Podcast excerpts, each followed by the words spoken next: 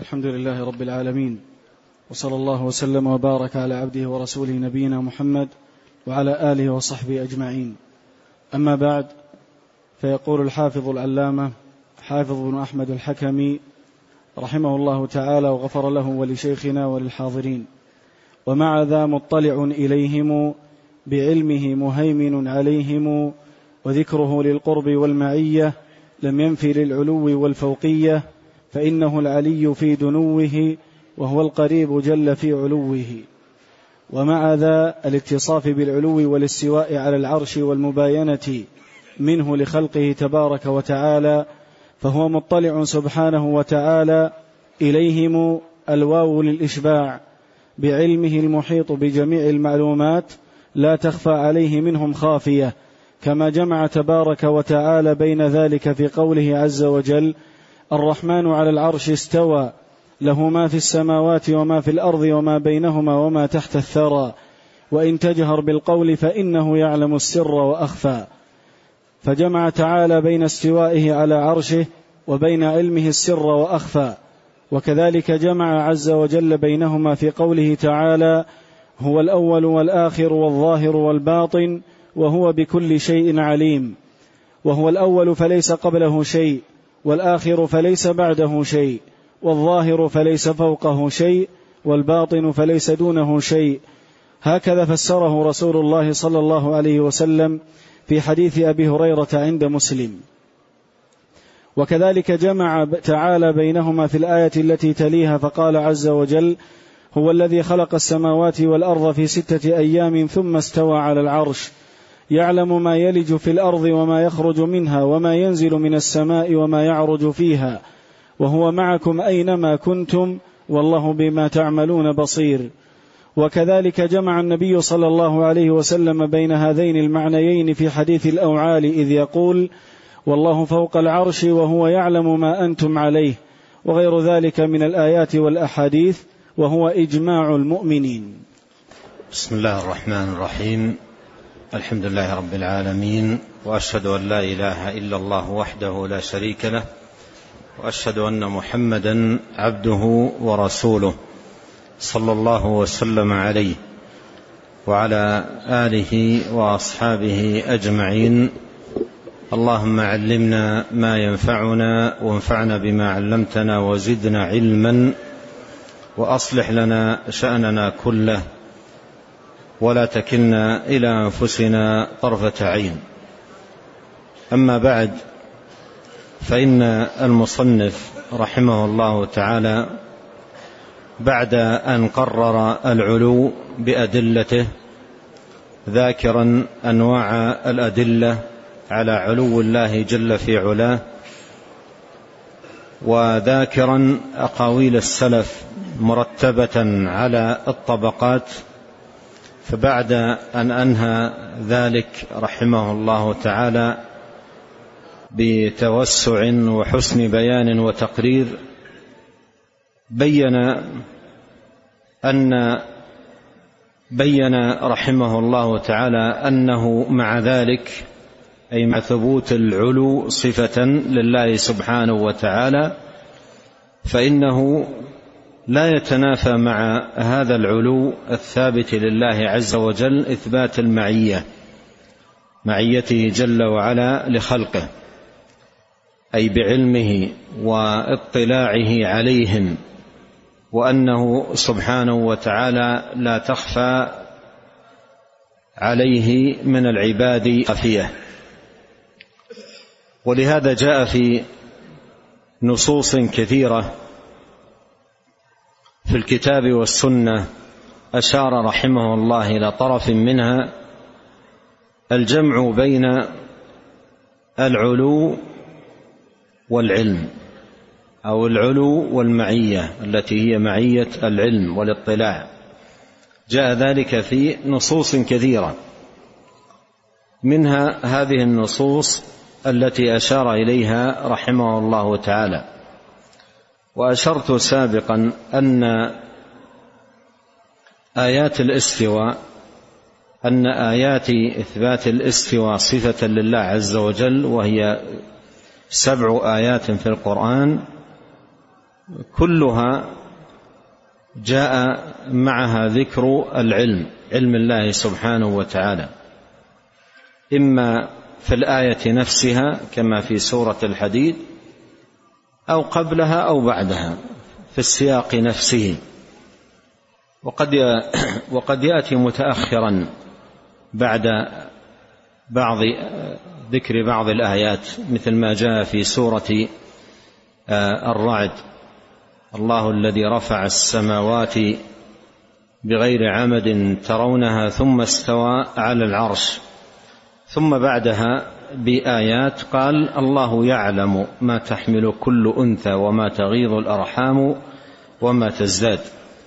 ومثلها أيضا أوائل سورة السجدة لما ذكر سبحانه وتعالى استواءه على العرش أعقبه بعدها بآيات قليلة إثبات علمه سبحانه وتعالى. وهكذا في سورة الرحمن قال الرحمن على العرش استوى هذا إثبات الاستواء. ثم بعده قال وإن تجهر بالقول فإنه يعلم السر وأخفى. الحاصل أن الجمع بينهما جاء في آيات كثيرة جدا وفي أحاديث عديدة عن الرسول الكريم صلوات الله وسلامه وبركاته عليه. ولا تنافي بين ثبوت العلو والمعية. فالله علي على عرشه المجيد علوا يليق بجلاله وكماله وعظمته سبحانه وتعالى. وفي الوقت نفسه هو جل وعلا معهم جل في علاه معهم بعلمه آه، مطلع عليهم يراهم يعلم أحوالهم لا تخفى عليه من آه، العباد خافية جل في علاه. نعم. مهيمن رقيب عليهم بواو الإشباع وذكره تبارك وتعالى للقرب في قوله عز وجل وإذا سألك عبادي عني فإني قريب أجيب دعوة الداع إذا دعان. وقوله تعالى إنه سميع قريب. وقول النبي صلى الله عليه وسلم في حديث الصحيحين إن الذي تدعونه أقرب إلى أحدكم من عنق راحلته. وكذلك ذكره المعية العامة في قوله تعالى ما يكون من نجوى ثلاثة إلا هو رابعهم ولا خمسة إلا هو سادسهم ولا أدنى من ذلك ولا أكثر إلا هو معهم أينما كانوا. وقوله عز وجل وهو معكم أينما كنتم. والمعية هنا في هاتين الآيتين اللتين أشار إليهما رحمه الله تعالى تسمى عند العلماء المعية العامة لأنها شاملة لعموم الخلق شاملة لعموم الخلق برهم وفاجرهم مسلمهم وكافرهم. هو سبحانه وتعالى مع الجميع بالاطلاع والعلم. وأنه سبحانه وتعالى لا تخفى عليه من الجميع خافية. وهذه المعية كما تقدم لا تتنافى مع العلو فالله علي على عرشه وهو مع خلقه بعلمه مطلع عليهم سبحانه وتعالى. وقوله جل وعلا في الآية الأولى إلا هو معهم وفي الثانية وهو معكم. بإجماع أهل العلم من أئمة السلف أي بعلمه أي بعلمه. وهذا هو تفسير الآية من خلال سياقها والنظر إلى أول الآية وآخرها. فالسياق كله في إثبات العلم. لله سبحانه وتعالى في آية المجادلة وآية الحديد. فقوله إلا هو معهم وقوله وهو معكم أي بعلمه مطلع جل وعلا على الجميع لا تخفى عليه من العباد خافية. نعم. وكذا المعية الخاصة في قوله عز وجل إن الله مع الذين اتقوا والذين هم محسنون. وقوله واصبروا إن الله مع الصابرين. وقوله لموسى وهارون إنني معكما أسمع وأرى. وقوله في قصة نبينا صلى الله عليه وسلم مع الصديق رضي الله عنه إذ هما في الغار إذ يقول لصاحبه لا تحزن إن الله معنا. تسمى هذه المعية المعية الخاصة لأنها ليست لعموم الخلق كالمتقدمة وإنما هي مختصة ببعضهم. وهم أولياء الله وعباده المقربون فهي خاصة بهم ليست لكل الخلق. وهذه المعية الخاصة مقتضاها نصر ومعونة وتأييد وحفظ من خصت به هذه أو من خص بهذه المعية. فالله سبحانه وتعالى مع الصابرين ومع المحسنين ومع عموم عباده المقربين إليه جل في علاه معية خاصة تقتضي النصر والتأييد والحفظ والمعونة والتسديد فهي خاصة بهؤلاء دون غيرهم من عموم الخلق. وهاتان المعيتان العامة والخاصة. لا تتنافيان مع ثبوت العلو صفة لله سبحانه وتعالى فهو مع عموم الخلق بالعلم ومع خواص الخلق بالتأييد والنصر والحفظ. نعم. كل ذلك لم ينفي العلو المذكور في النصوص السابقة من الكتاب والسنة وإجماع الأمة من أنه تعالى مستو على عرشه بائن من خلقه. إليه يصعد الكلم الطيب والعمل الصالح يرفعه. تعرج الملائكة والروح إليه. يدبر الأمر من السماء إلى الأرض. هذه إشارة إلى أنواع الأدلة. إشارة إلى أنواع الأدلة على العلو. والشيخ رحمه الله تعالى بسط هذه الأنواع بسطا آه، وافيا كما تقدم. فهنا يشير إلى أنواع الأدلة ومراده بذلك أن الأدلة على علو الله سبحانه وتعالى متكاثرة جدا وتندرج تحت أنواع كثيرة جدا و لا يتنافى مع هذا العلو الثابت لله جل في علاه كونه سبحانه وتعالى مع الخلق آه، علما واطلاعا ومع بعض الخلق حفظا وتأييدا. نعم. والفوقية عطف على العلو وهو رديفه في المعنى أي ولم ينفي قوله عز وجل وهو القاهر فوق عباده وقوله يخافون ربهم من فوقهم. الفوقية مر معنا أنها من أنواع الأدلة. على علو الله سبحانه وتعالى. ولهذا عبر الشيخ هنا بأن رديف العلو في المعنى. فقوله سبحانه وتعالى من فوقهم فوق عباده أي علي آه، سبحانه وتعالى له العلو المطلق مستو على عرشه بائن من خلقه سبحانه وتعالى. فهذه الفوقية وهي علو الثابتة لله سبحانه وتعالى لا تتنافى مع المعية بنوعيها. نعم. وقول النبي صلى الله عليه وسلم والله فوق العرش وهو يعلم ما أنتم عليه. نعم هذا فيه جمع بين الفوقية والمعية. في جمع بين الفوقية والمعية. نعم.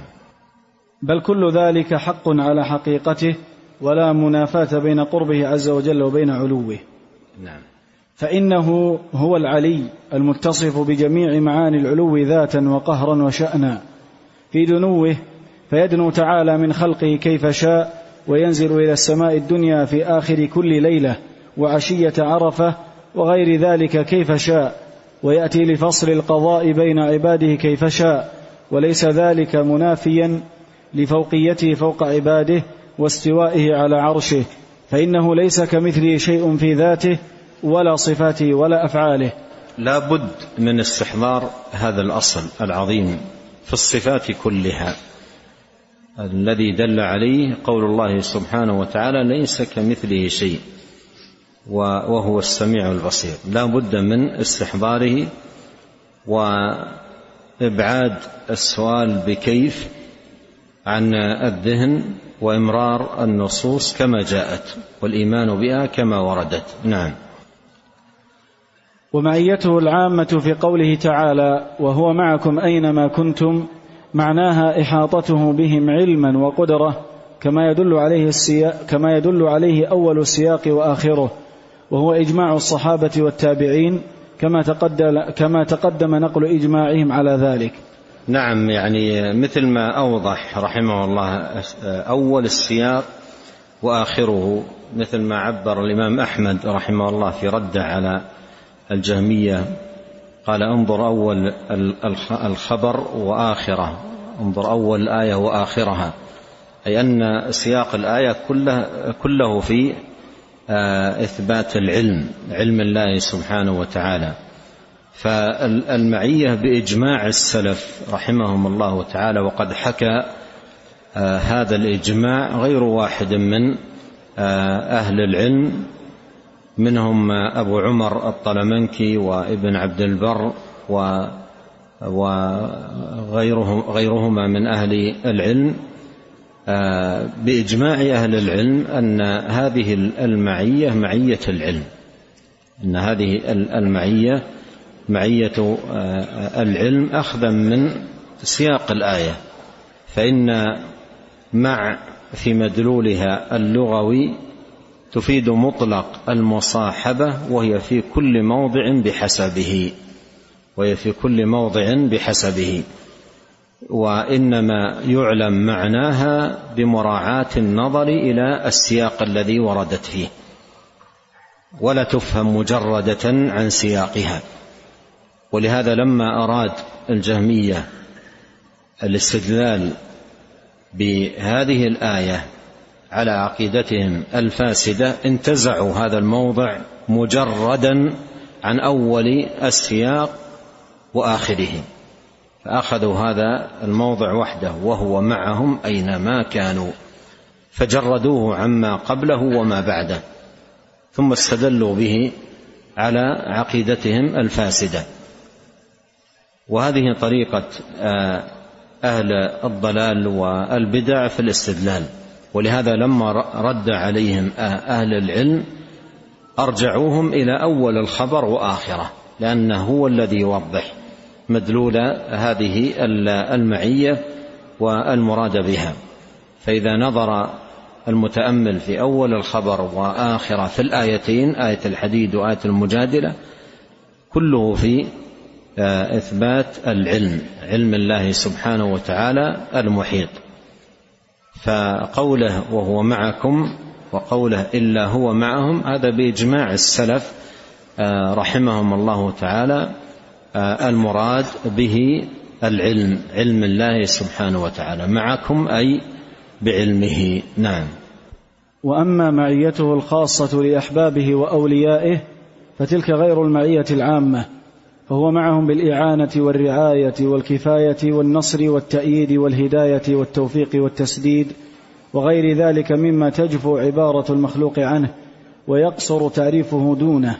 وكفاك قول الله عز وجل فيما رواه عنه نبيه صلى الله عليه وسلم إذ يقول ولا يزال عبدي يتقرب إلي بالنوافل حتى أحبه فإذا أحببته كنت سمعه الذي يسمع به وبصره الذي يبصر به ويده التي يبطش بها ورجله التي يمشي بها.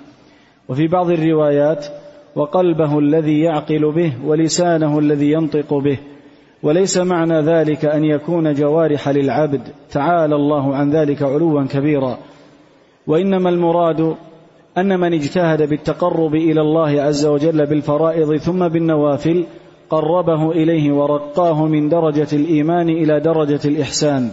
فيصير يعبد الله على الحضور والمراقبة كأنه يراه فيمتلئ قلبه بمعرفة الله تعالى ومحبته وعظمته وخوفه ومهابته وإجلاله والأنس به والشوق إليه حتى يصير هذا الذي في قلبه من المعرفة مشاهدا له بعين البصيرة. وإلى هذا المعنى أشار صلى الله عليه وسلم بقوله احبوا الله من كل قلوبكم فمتى امتلأ القلب بعظمة الله تعالى محى ذلك من القلب كل ما سواه ولم يبق للعبد شيء من نفسه وهواه ولا إرادة إلا لما يريد منه مولاه. فحينئذ لا ينطق العبد إلا بذكره ولا يتحرك إلا بأمره فإن نطق نطق بالله وإن سمع سمع به وإن نظر نظر به وإن بطش بطش به فهذا هو المراد بقوله عز وجل كنت سمعه الذي يسمع به وبصره الذي يبصر به ويده التي يبطش بها ورجله التي يمشي بها. ومن أشار إلى غير هذا فإنما يشير إلى الإلحاد من الحلول والاتحاد والله ورسوله بريئان منه. لما ذكر رحمه الله تعالى المعية الخاصة وبين أن معناها آه، أنه معهم بالإعانة والرعاية والكفاية والتأييد والحفظ والتسديد. أشار رحمه الله تعالى إلى أن ما جاء في الحديث القدسي فيما يتعلق بأولياء الله لأن قوله كنت سمعه إلى آخره هذا جاء في الحديث المعروف عند العلماء بحديث الولي. وأيضا يعرف عندهم بحديث الأولياء لأنه جاء مبينا مكانة الأولياء عند الله من جهة ومعرفا بصفاته من جهة أخرى. ولهذا أقول في غير مرة أن من أراد أن يعرف مكانة الأولياء ومنزلتهم عند الله وأيضا صفات الأولياء صفات الأولياء والفرق بينهم وبين الأدعياء أدعياء الولاية فليقرأ هذا الحديث القدسي العظيم. وهو في صحيح البخاري. قال الله جل وعلا من عادى لي وليا فقد آذنته بالحرب. هذا في مكانة الأولياء. ومنزلتهم عند الله سبحانه وتعالى وأنه معهم حفظا ونصرا ومعونة وتأييدا ودفاعا. من عادى لي وليا فقد آذنته بالحرب. هذه مكانة الأولياء. لما بينت مكانتهم في صدر هذا الحديث كأنه قيل من هم؟ من هم أولياؤك؟ الذين من عاداهم فقد آذنته بالحرب. فجاء الجواب وما تقرب إلي عبدي بشيء. أحب إلي مما افترضته عليه ولا يزال عبدي يتقرب إلي بالنوافل حتى أحبه. هؤلاء أولياء الله. هؤلاء أولياء الله. وأخذ العلماء رحمهم الله تعالى من هذا الحديث أن أولياء الله سبحانه وتعالى على درجتين. الدرجة الأولى درجة التقرب إلى الله بالفرائض. التقرب إلى الله بالفرائض. ويقال عن أهل هذه الدرجة المقتصدون. ومنهم مقتصد. يقال لهم المقتصدون لأنهم اقتصروا في عبادتهم على الفرائض وترك المحرمات. فمن كان كذلك فهو ولي من أولياء الله. الذي يحافظ على فرائض الإسلام ويتجنب الحرام وإن لم ينشط للنوافل والرغائب والمستحبات وهي كثيرة جدا وإن لم ينشط لها فهو ولي من أولياء الله بمحافظته على الفرائض.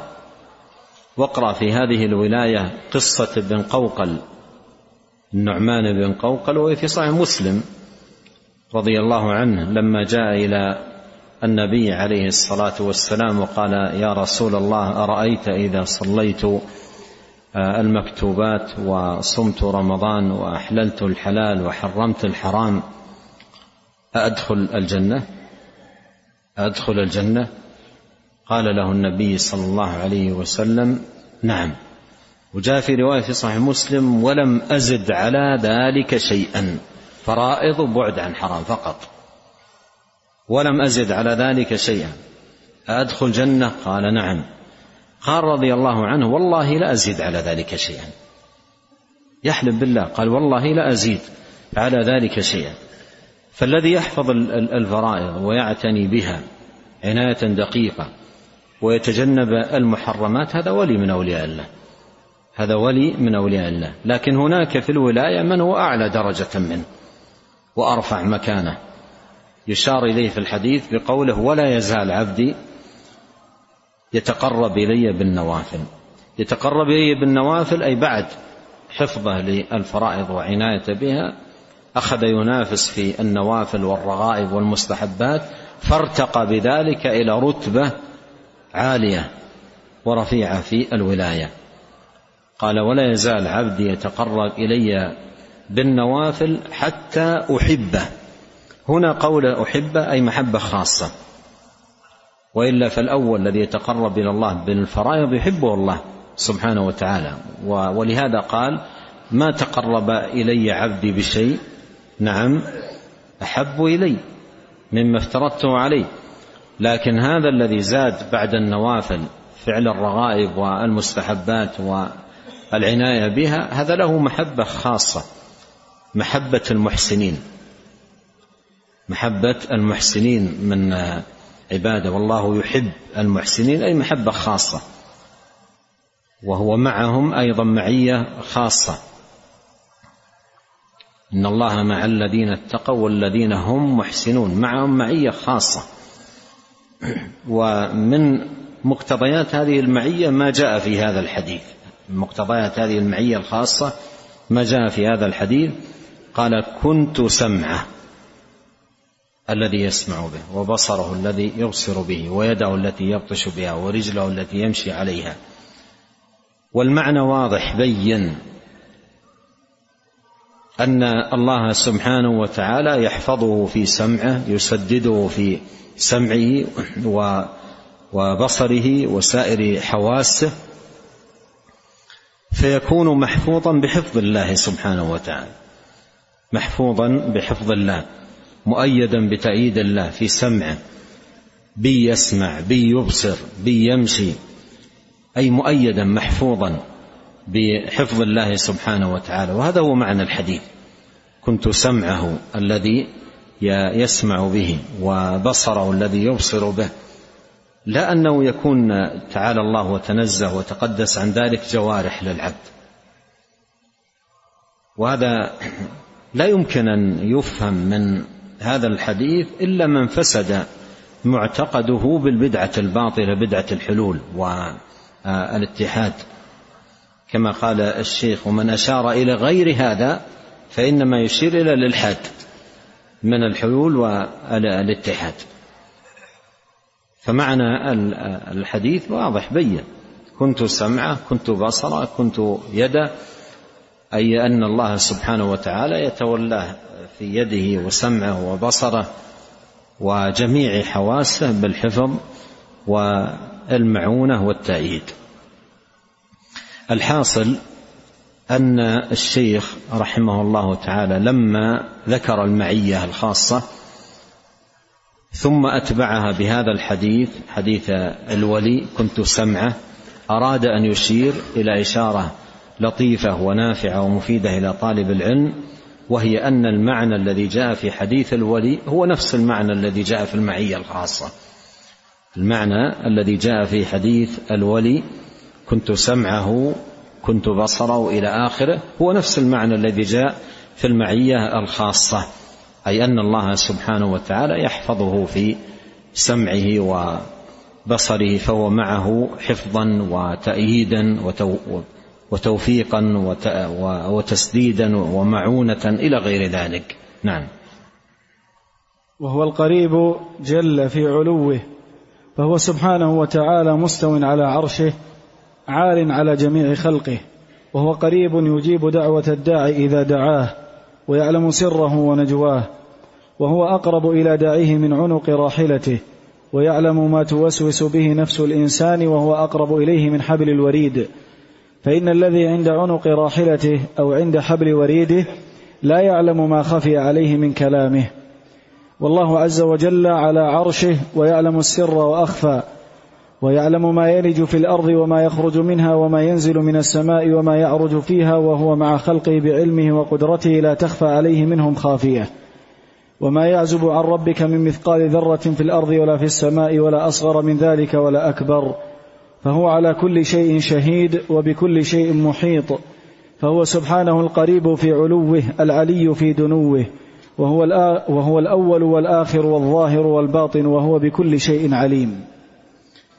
هنا يعني يبين أيضا ما سبق أن بين رحمه الله تعالى أن القرب قرب الله سبحانه وتعالى من من عباده جل في علاه آه، لا يتنافى مع علوه لا يتنافى مع علوه سبحانه وتعالى وهو أنه على آه، علي على عرشه المجيد سبحانه وتعالى.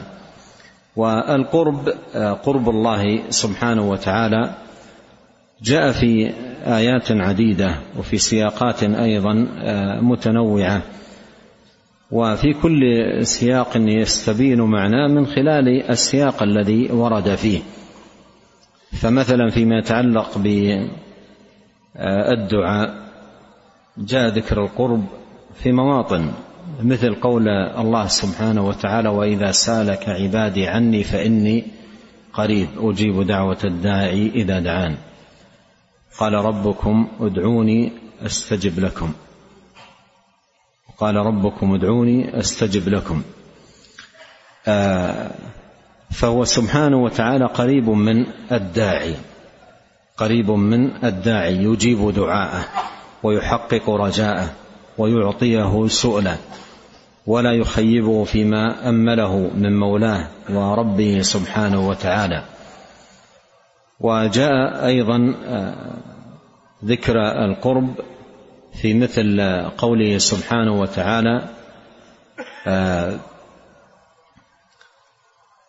ولقد خلقنا الإنسان ونعلم ما توسوس به نفسه ونحن أقرب إليه من حبل الوريد إذ يتلقى المتلقيان.